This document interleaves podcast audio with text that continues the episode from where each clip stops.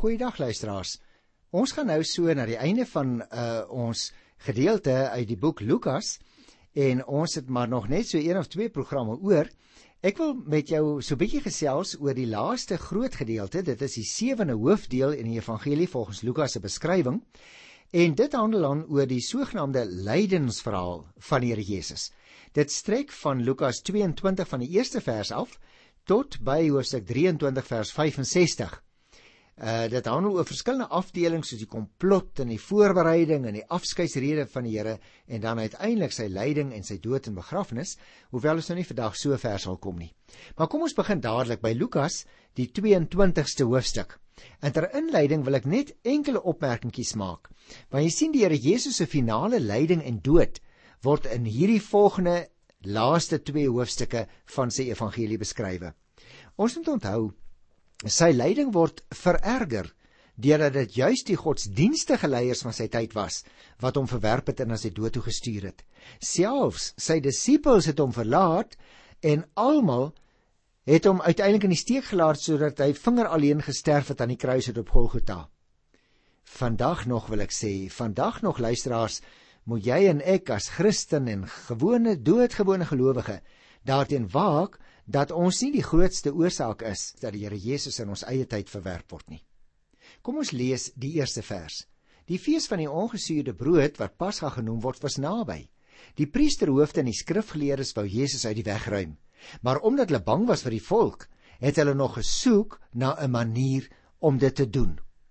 Die toneel luisteraars verskuif nou hier van die tempel af waar die Here Jesus die volks daagliks geleer het, so het ons in die vorige hoofstukke gelees, Verskuif die fokus nou na die versamelplek van die Joodse leiers in die stad. Die Pasgafees skep 'n gees van godsdienstigheid, maar daar is te gelykertyd 'n gees van sameswering teen die Here Jesus. Jy sien die rolle word nou omgeruil. Waar Jesus die inisiatief geneem het in die tempel en sy teenstanders veroordeel het, is dit juis hulle wat nou die inisiatief neem om hom te veroordeel. Alles adem met ander woorde die gees van sy onvermydelike dood. Die derde vers sê: Die Satan het in Judas wat Iskariot genoem is en wat een van die 12 was ingevaar. Hy het toe met die priesterhoofde en die offisiere van die tempel wag gaan praat oor hoe hy Jesus in hulle hande kan laat kom. Hulle was bly en het ooreengestem om hom daarvoor te betaal. Hy het ingestem en na 'n geskikte geleentheid gesoek om Jesus te verraai waar die volk nie by is nie. Jo, kan jy dit glo luisteraar? Judas bly ten volle verantwoordelik vir sy verraad, ondanks die feit dat die Satan self 'n leidende rol daarin gespeel het. Judas was wel ontnugter omdat Jesus van die dood gepraat het en dat hy nie besig was om 'n koninkryk tot stand te bring nie. Dalk, ja, dalk is net wou Judas vir Jesus dwing om te bewys dat hy die Messias is. Of miskien, miskien het die ontnugterde Judas nie meer geglo dat Jesus God se uitverkorene was nie wat hy ook al gedink het. Die kern van die saak is dat die Satan geglo het dat Jesus se dood 'n einde aan sy werk op aarde sou maak en God se plan dus in die wiele sou ry. Nie hy of Judas het egter besef dat Jesus se dood reeds van die begin af die kernpunt van God se redding en verlossingsplan vir mense was nie. Hoe wonderlik dat die Here Jesus bereid was om dit reg tot op die einde toe deur te voer. En nou kry jy 'n kort verhaaltjie van die Paasmaaltyd wat gereed gemaak word. Die dag van die ongesuurde brood waarop die Paaslam geslag moes word, het aangebreek. Jesus stuur toe vir Petrus en Johannes vooruit met die opdrag: "Gaan berei die Paasmaaltyd voor ons uit sodat ons dit kan geniet." Nou, lamsvleis was natuurlik altyd nog deel gewees van die Paasmaaltyd. En dit was natuurlik so omdat die Here die Israeliete op die vooraand van hulle vlug uit Egipte beveel het om 'n lam te slag sy bloed aan die deurkusyne te smeer en vleisgaar te maak. Petrus en Johannes moes nou die maaltyd hierdie jaar daar in Jerusalem gaan voorberei.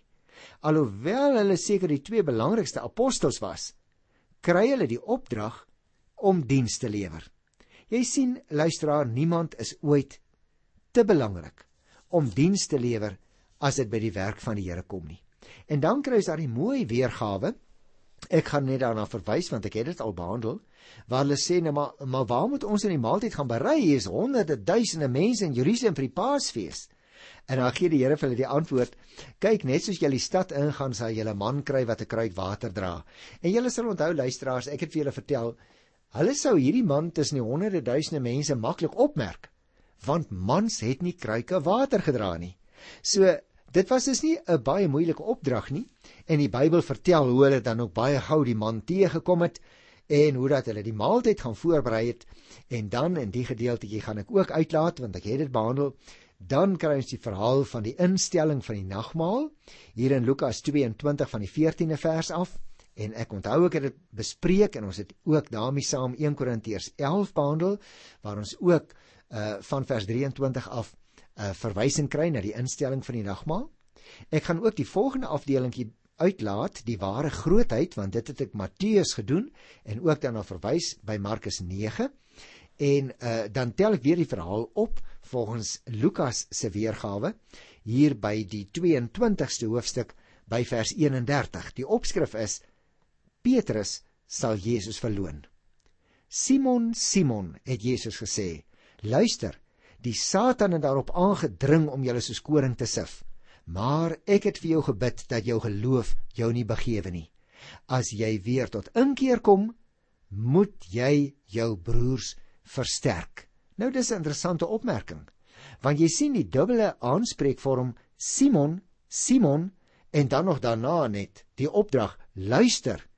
Dui juis die erns van die Here Jesus se woorde aan. Daarom begin hy deur Simon twee keer op die naam aan te roep en vir hom te sê luister. Hy wil as dit ware ou Simon Petrus se volle aandag daarmee vra. Maar hoekom was dit nodig? Want Satan, sê die Here Jesus, het daarop aangedring om die disippels soos koring te sif, deur en deur te versoek en te beproef. Binne perke word dit natuurlik toegelaat. Die Here Jesus sê vir sy diensknegt Simon Petrus persoonlik, hoorie man, ek het vir jou gebid dat jou geloof sal standhou. Met ander woorde, Jesus bestry Satan met sy voorbinding. En dit beteken dat Petrus na sy val tot inkeer sal kom staan daar en dan moet hy sy broers versterk. Hulle sal ook natuurlik val en die Here Jesus verlaat. Dit ken ons uit die verhaal wat volg. En dit sal Petrus se taak wees om hulle weer tot 'n apostelkring bymekaar te roep. Is dit nie wonderlik nie dat ou Petrus die Here gaan verloon, maar dat die Here juis vir hom weer gaan gebruik om sy broers bymekaar te roep. Vers 33 en 34 sê Petrus sê toe vir hom Here, ek is bereid om saam met u selfs gevangenskap en dood in te gaan. Maar Jesus antwoord Petrus, ek sê vir jou, die haan sal vannag nie kraai voordat jy my 3 maal verloon het deur te sê dat jy my nie ken nie. Het jy opgemerk luisteraar, die Here Jesus sê eers dat Judas hom gaan verraai en dat dit verskriklike gevolge vir hom gaan hê. Daarna sê hy dat Petrus hom gaan verloon, maar dat hy berou sal hê en na ander disippels sal terugkeer. Ons lees dus hier van die verraad en die verloning en die een is omtrent net so erg soos die ander hoor. Die uiteinde van hierdie twee mans was egter heeltemal verskillend omdat die een geglo het en sy sonde bely het. En dan kom ons by die 35ste versie waar die stryd nou begin kom. Verder het Jesus vir hulle gesê: "Toe ek julle uitgestuur het sonder beursie en reisak en skoene, het julle iets kort gekom?" "Nee, niks nie," was hulle antwoord. Toe sê hy vir hulle: "Maar nou, wie 'n beursie het, moet dit saamneem en net so ook 'n reisak. En wie nie 'n swaard het nie, moet van sy klere verkoop en een aanskaf. Nou hier wil ek amper sê dit klink asof die die trant van die Here Jesus waarop hy met hulle praat en die voorbereiding wat hy voorskryf nou begin verander. Want die Here Jesus herinner hier sy disippels aan hulle vorige uitsending waarvoor hulle niks nodig gehad het nie. Nou, so sê hy, hy gebruik die woordjie nou, het die situasie verander, né, nee, daar vers 36. Die vyandskap teen hom gaan ook op hulle gemik word. Hulle moet dus nou hulle beursies en hulle reisakke saamneem en so staan daar wie nie 'n swaard het nie moet tot elke prys een aanskaf. Nou wat sou dit beteken? Vir my lyk dit uh, luisteraars dat die Here Jesus hiermee nie bedoel dat hulle die saak van sy koninkryk met die swaard kan of moet besleg nie. Hy verbied dit tewens as 'n mens so 'n bietjie later gaan lees van vers 49 af. Maar terselfdertyd moet hulle besef in watter lewensgevaar hulle op hierdie stadium verkeer het. Luister na vers 37. Ek sê vir julle, die skrifwoord wat sê en hy is as misdadige beskou, moet aan my bewaarheid word. Want wat op my betrekking het, gaan nou in vervulling. Hulle sê toe: "Here, kyk, hier is twee swaarde." Ons laat dit daarby. Antwoord hy hulle. Luisteraars, ek dink dat ons hier 'n baie mooi voorbeeld het waar Lukas ook in sy evangelie uit die Ou Testament aanhaal, naamlik Jesaja 53 vers 12, wat nou in hom bewaarheid sal word, dat hy as misdadiger beskou gaan word. Jy sien die disippels verstaan nog steeds die Here Jesus verkeerd en hulle haal nou skielik vinnig vinnig twee swaarde te voorskyn. Maar Jesus se woorde, ons laat dit daarby, kan nou 'n reaksie wees op die hopelose misverstand van die saak deur sy disippels. Dis as ware of hy sy sy skouers in moedeloosheid wil optrek en sê maar dit lyk vir my julle verstaan nie, kom ons laat dit daarby.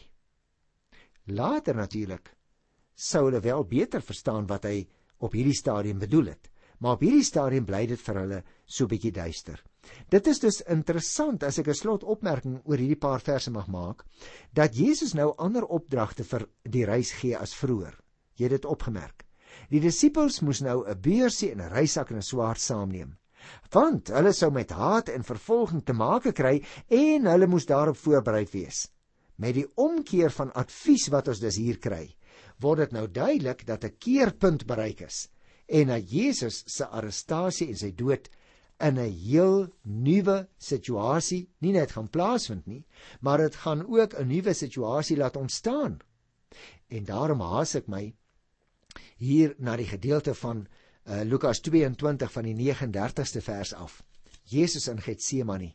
Jesus het die stad verlaat en volgens gewoonte Olyfberg toe gegaan en sy disippels het hom gevolg. En luisteraars hier betree ons nou die laaste gedeelte eintlik in die lang verhaal van Lukas waar hy nou spesifiek begin om die lyding en die dood en die begrafnis van die Here Jesus te beskryf. Die Olyfberg waarvan ek nou net gelees het hier in vers 39 was net ten ooste van Jerusalem geleë. En Jesus het nou na die tuin van Getsemane aan die suidwestelike hang van die berg toe gegaan. Getsemane tussen hakies was eintlik maar 'n olyfboord en die naam beteken letterlik as 'n mens dit uit die Hebreëus vertaal olyfpers. Die feit dat die disippels Jesus nou volg, impliseer dat hulle hulle met sy lot identifiseer. Dit roep jou en my as lesers van die verhaal ook op om die Here Jesus te volg. Selfs luisteraars, selfs al lei dit tot ons eie nadeel tot vervolging. Luister na die 40ste vers.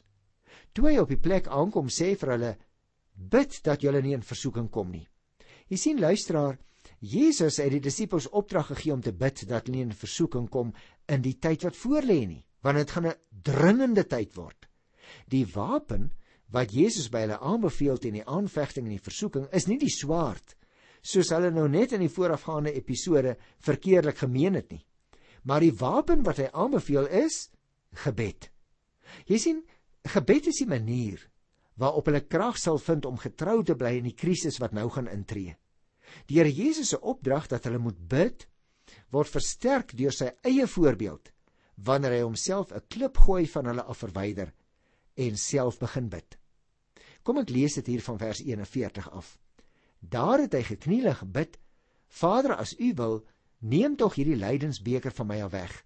Laat nogtans nie my wil nie, maar U wil geskied. 'n Engel uit die hemel het toe aan hom verskyn en hom versterk. Hy het in doodsangs geraak en het nog ernstiger gebid. Sy sweet het soos bloeddruppels geword wat op die grond geval het. Die vraag kom nou op: Was Jesus besig om sy opdrag te probeer ontduik? En ek dink luisteraar, dis nie verkeerd om vir die Here te sê presies hoe 'n mens voel nie, hoor? En dit is wat die Here self ook teenoor die hemelse Vader gedoen het. Jesus het erken dat hy bang was vir die lyding wat op hom wag. Maar hy het terselfdertyd ook bevestig dat hy alles sou doen wat God die Vader van hom verwag het. Jy sien die lydensbeker verwys na die Ou Testamentiese gedagte van 'n noodlotsbeker en dit hou verband met straf en daarmee ook natuurlik die toorn van God. Dit dui op 'n sterk weerstand in dit wat voorlê en dit gee terselfdertyd uitdrukking aan die mensheid van die Here Jesus. En nou luisteraars, is ons eintlik in die gedeelte waar die lyding van ons meester absoluut die top gaan bereik.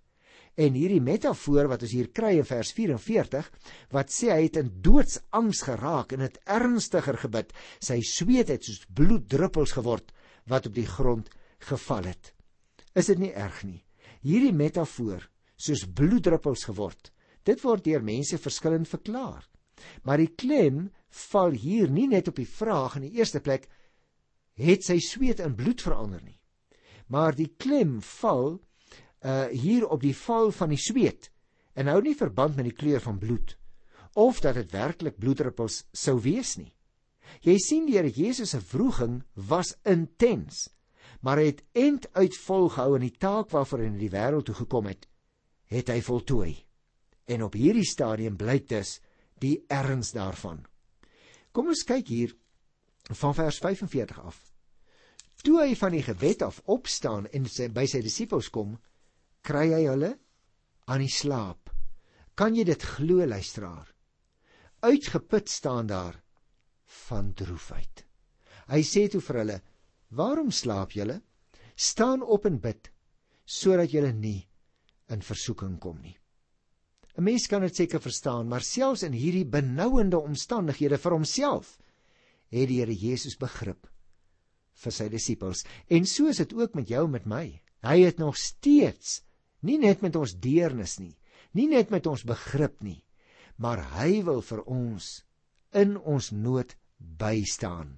Terwyl hy self uiteindelik aan die kruis deur die Vader verlaat sou word om vir ons 'n offer te betaal wat ons nie self kon bring nie. Nou kry ons die verhaal van die Here Jesus se gevangeneming. Ek lees hier by Lukas 22 van die 47ste vers af. Terwyl Jesus nog met sy disippels praat, kom 'n klomp mense daaraan Die een wat Judas genoem is, een van die 12, het hulle gelei en nader gekom na Jesus toe en hom gesoen. Maar Jesus sê vir hom Judas, "Verraai jy die seun van die mens met 'n soen?" Toe die wat saam met Jesus was, sien wat gaan gebeur, vra hulle, "Here, moet ons hulle met die swaard aanval?" Een van hulle slaan toe na die slaaf van die hoë priester en kap sy regteroor af. Maar Jesus sê, "Hou op daarmee." Daarna het hy die oor aangeraak en hom genees.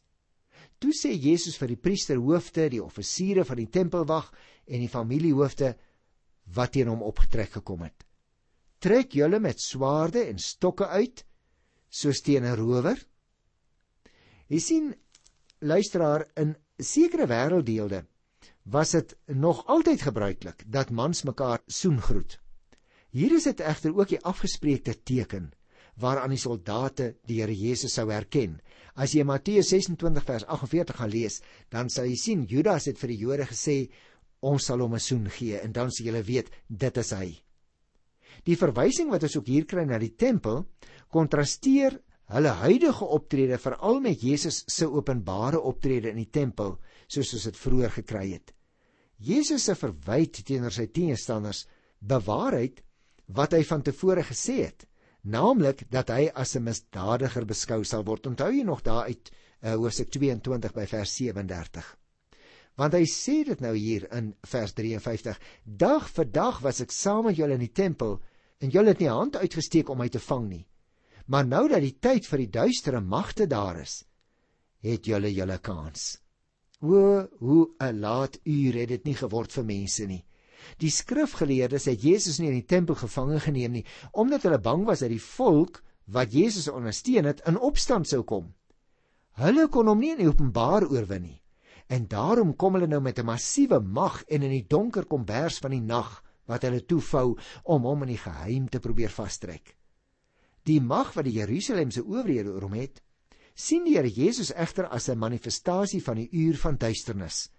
Die fisiese nag waarin hulle nou teen hom uitgetrek het, is eintlik maar net simbolies ook van die duisternis wat hulle optrede simboliseer. Sy opponente Ja, hulle het 'n billike en 'n openlike debat klaar blyklik oorboord gegooi en daarom reageer die Here Jesus nou ook met openlike verwyte teenoor hulle. Ek dink dat ons in hierdie gedeelte ook luisteraars baie mooi moet oplet na al die gebeure wat hier plaasgevind het. En daarom wil ek voordat ons nou volgende keer begin met die verloning van Petrus. Ehm uh, wil ek net so kort oorsig gee en ek wil vra dat jy dit so lank in die Bybel self gaan lees van die Here Jesus se verhoor wat in die volgende dae gaan plaasvind. Want jy sien, Jesus se verhoor word in al vier evangelies beskrywe, maar nie presies op dieselfde manier nie. En uit hierdie skematiese oorsig wat ek net wil noem, blyk dit nou dat die verhoor voor Annas net by die evangelie van Johannes voorkom en die verhoor voor Herodes weer net by Lukas. Die Here Jesus word beskuldig deur sowel die Jode as die Romeine, die godsdienstige owerheid, met ander woorde, sowel as die politieke owerhede wat hom beskuldig. Niemand kan dus onskuldig pleit vir die feit dat Jesus onskuldig ter dood veroordeel is nie. Hulle was almal skuldig. So kom ek noem vir jou die gebeurtenis elke keer en moontlike redes. En dan wil ek jou vra tot volgende program gaan slaan dit 'n bietjie na in al vier die evangelies, dan sien jy 'n vollediger prentjie kry en beter verstaan as ek net die gedeeltes wat Lukas beklemtoon volgende keer gaan bespreek. Eers was Judas voor Annas. Nou hy was natuurlik 'n baie invloedryke man en ook 'n voormalige hoëpriester.